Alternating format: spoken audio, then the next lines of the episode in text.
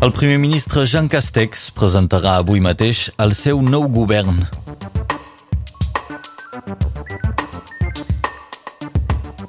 Altre fet polític destacat, aquell dissabte va tenir lloc a Perpinyà la primera reunió presencial del Consell per la República. Sentirem en aquest informatiu Lluís Llach.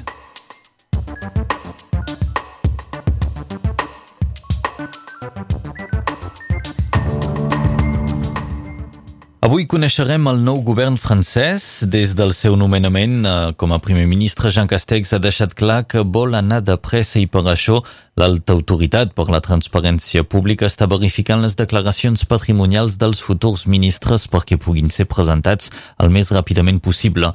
Castex ha anunciat que pronunciarà el seu discurs de política general abans de mitjans del mes de juliol, és d'aquí, d'aquí un poc més d'una setmana. El nomenament d'un primer ministre catalano-parlant és tot un esdeveniment al Conflent. Jean Castex és un home que coneix bé el territori i que, a més de parlar català, també ha demostrat el seu interès per la cultura catalana. Escoltem la reacció de Ramon Gual, col·laborador de l'Universitat Catalana d'Estiu, al micro d'Enric Balaguer per nosaltres a Prada eh, tenim per res a dir perquè, per exemple, a la Catalana d'Estiu, ell que és un home de dreta i nosaltres que som més aviat d'esquerra, ens ha ajudat sempre i al contrari ha sigut favorable. Parla català, és casat amb una catalana, és conscient de, de la nostra problemàtica, tenim per res a dir d'aquest punt de vista. Veiem, la reacció doncs, és aquesta de Ramon Gual, ho podem destacar també que Jean Castex eh, va fer diferents gestions eh, perquè sigui possible la instal·lació de repetidors de ràdios i de televisions sudcatalanes al Conflent. També com a president de la comunitat de municipis Conflent-Canigó ha firmat una moció denunciant l'actuació policial de l'1 d'octubre del 2017 a Catalunya Sud i ha ajudat la renovació dels locals del casal del Conflent. Altre fet polític destacat aquell cap de setmana és l'avinguda a Perpinyà de Carles Puigdemont.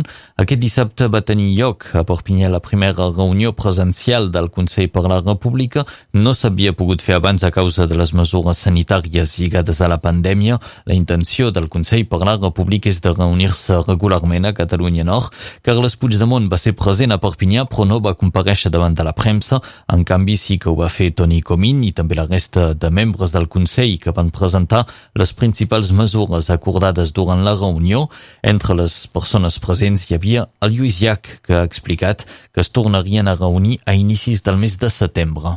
Normalment ens reuníem a Brussel·les, després de la pandèmia, però després de l'acte que varen fer a Perpinyà, i avui, a més, una de les decisions és signar el conveni entre el Consell de la República i la delegació del Consell de la República a Perpinyà. Però, a més a més, doncs, s'han pres altres determinacions que va des de la identitat, o sigui, un sistema informàtic i tecnològic que permetrà als membres del Consell de la República, que més o menys anem cap a 90.000, a participar en totes les decisions que s'hagin de prendre Després eh, s'ha acordat convocar l'Assemblea de Representants hi ha previst una nova trobada aquí a Catalunya Nord al sí, inici de sí, setembre. Sí. No, no, clar, això sí, però és que sempre que hàgim de fer presencials i aquesta assemblea de representants és probable que, que es convoqui aquí perquè ja que els, el president, el vicepresident del Consell de la República, el Toni i el Carles no poden baixar, doncs pujarem tots en aquí una altra vegada i estem a casa, o sigui que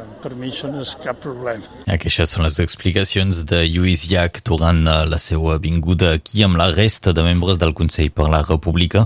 Era dissabte a Perpinyà. Un gran incendi va cremar dissabte a la tarda al Barcarès. Les flames van destruir 11 hectàrees de vegetació en un sector proper a l'estació de tractament d'aigues residuals. 111 bombers van ser mobilitzats per provar de controlar un incendi que va ser alimentat pel vent. La intervenció dels bombers haurà permès salvar una cinquantena de caravanes i vaixells que estaven guardats en aquesta zona. La gendarmeria ha obert una investigació sobre l'origen del foc. I avui encara el, encara el risc d'incendis és considerat com a elevat sobre el conjunt del departament departament i en particular al Rosselló, tramuntana i temperatures altes són les condicions propícies a l'esparició d'incendis. Per això els bombers i la prefectura demanen que tothom sigui molt prudent i responsable per evitar aquests focs. De fet, està totalment prohibit encendre focs als espais naturals del departament, amb excepció dels punts previstos per encendre fogueres. Els Mossos d'Esquadra de la Cerdanya poden entrar en territori francès fins a 10 quilòmetres en situació d'intervenció. Fins ara aquesta possibilitat ja existia en els fets, però ha estat oficialitzada per conveni. Un conveni similar existeix també a la Vall d'Aran. Les explicacions amb el Vall d'Estabar, Laurent Leiga. Poden entrar a Catalunya Nord eh, fins a 10 quilòmetres eh, doncs, eh, en situacions eh, bastant particulars, és a dir, eh, per perseguir suposats autors de delictes eh, com homicidis, urbatoris o tràfic de drogues, eh, a partir del moment en què aquests fugitius eh, creuen la frontera, poden passar a la frontera els Mossos fins a 10 quilòmetres i doncs eh, amb la situació particular de, de Llíbia, eh, doncs això, això doncs, eh, els permetran posar fins gairebé a Fort Romeu, anar fins a pobles com eh, Jo, Ersa, Llagosa, estava clar, i de l'altre costat, doncs, eh, eh, com que la frontera es troba cap a la Vinyola, poden intentar fins a, a la vall del, del Carrol, gairebé fins a, a Porta, sí, fins a Porta. Eh, doncs és un nou conveni eh, que hi ha hagut i, eh, al Pirineu perquè a la Vall d'Aran eh, és igual i doncs eh, només per, per explicar que si hi ha una intervenció de Mossos eh, a, del costat francès, això és autoritzat. Clar que eh, a partir del moment on hi ha aquesta intervenció, els Mossos hauran d'avisar les autoritats franceses de, de que creuen les fronteres. Això passava però no, no, no hi havia una, una autorització i un conveni tan, uh, tan específic com aquest. Doncs ara sí que això ha quedat uh, oficial, ha estat uh, doncs, redactat en un conveni en les explicacions del Vall d'Estavar Laurent Leiga. A Catalunya Sud, el nou confinament ja afecta més de 200.000 persones a la comarca del Segrià. Segons les autoritats, aquell confinament es podria allargar almenys 15 dies. La mobilitat està restringida a la zona, però sí que es pot circular dins de la comarca. Les restriccions són menys estrictes que durant l'anterior confinament. De fet, la consellera de Salut, Alba Vergés, ha assegurat que no és necessari aturar l'activitat econòmica al Segrià, però sí que ha recomanat abaixar la vida social. En l'última setmana s'han detectat 550 contagis nous a la regió sanitària de Lleida. I Galícia també ha decidit tancar una comarca d'uns 80.000 habitants per l'aparició de diversos casos positius de Covid-19. La mesura vol evitar sortides de residents a l'àrea d'aquesta àrea fins a altres territoris i reduir també la mobilitat interna. La mesura afecta 14 municipis, estarà vigent per 5 dies i s'aixecarà just 48 hores abans de les eleccions autonòmiques que s'han de celebrar a Galícia. I si l'origen del coronavirus es trobés a Catalunya? En tot cas, aquesta és la pista que ha llançat el metge Wang Guangfa, un dels principals assessors de la Xina sobre la pandèmia. Guangfa ha reclamat a l'Organització Mundial de la Salut que no cerqui l'origen del coronavirus només al seu país i que ho apliqui també a Espanya i en particular a Barcelona. El motiu d'aquesta petició és la recerca que ha presentat l'Universitat de Barcelona, que va assegurar haver identificat el virus en aigues residuals de Barcelona recollides i congelades el 12 de març del 2019. D'aquí uns dies l'OMS enviarà una delegació a la Xina per continuar investigant l'origen encara desconegut del coronavirus.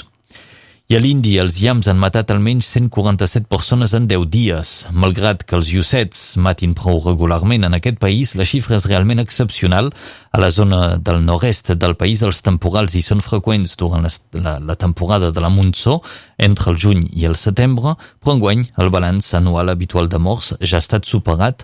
La causa vindria de l'augment de les temperatures per culpa del canvi climàtic, segons les autoritats i els científics.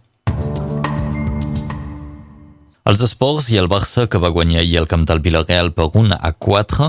Ahir també va guanyar el Real Madrid 0 a 1 al camp de l'Atlètic Club de Bilbao. Amb aquests resultats, el Madrid segueix liderant la Lliga amb 4 punts d'avantatge sobre el Barça. En notar que l'Espanyol de Barcelona va perdre per 0 a 1 contra l'Eganès, l'Espanyol podria baixar a segona divisió si perd aquest dimecres contra el Barça al Camp Nou. I seguim parlant del Barça, però en aquest cas del seu equip de rugby. La JOP, l'equip de rugby de Prada, ha anunciat que el mes de setembre rebrà el Barça de rugby per un partit amistós a l'estadi Clement Padrix. Es tracta d'un esdeveniment força especial pel club pradenc que espera rebre molts espectadors per aquest maig que celebrarà el rugby i la catalanitat. El partit JOP, Futbol Club Barcelona, és previst el dissabte 5 de setembre a Prada.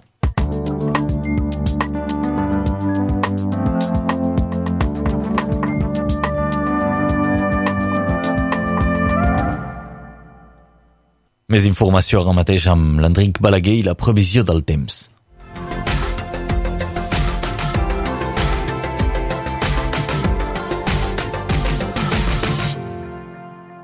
Pel gener mana la lluna i pel juliol mana el sol. És el cas avui amb l'instal·lació d'un anticicló que durarà com a mínim fins demà.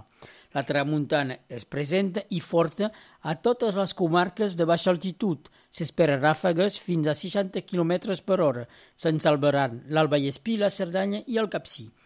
Aquesta aportació asseca l'aire i fa pujar les temperatures. Es preveu 25 a l'Ansac, 24 a Perillós, a l'Albernet a Perpinyà 27, el mateix valor a Taxó de Vall i al Rembau a Catlliure, 28 a les Illes i a Manyaques al Vallespí. Al Conflent, 26 a Comes, 27 a Villarac, 29 a Sirac, 25 a Flaçà i a Talau. Més amunt, 27 a Rou, 22 a Esposulla, a vora del Galba. Ahir era lluna plena, avui està minvant. En lluna minvant no sembra ni gra, diu una dita popular. El 5 de juliol de 1978 es crea a Perpinyà el CEDAC, el Centre de Documentació i Animació de la Cultura Catalana. Un dia com avui, el 1985, és el dia de l'històric concert de Lluís Llach al Camp Nou hi van assistir més de 100.000 espectadors. Radio Arrels havia organitzat sis autobusos. Avui, fa 40 anys, el jugador de bàsquet Pau Gasol. Segons el calendari Terra Nostra, és Santa Dominica, també és Sant Isaïs.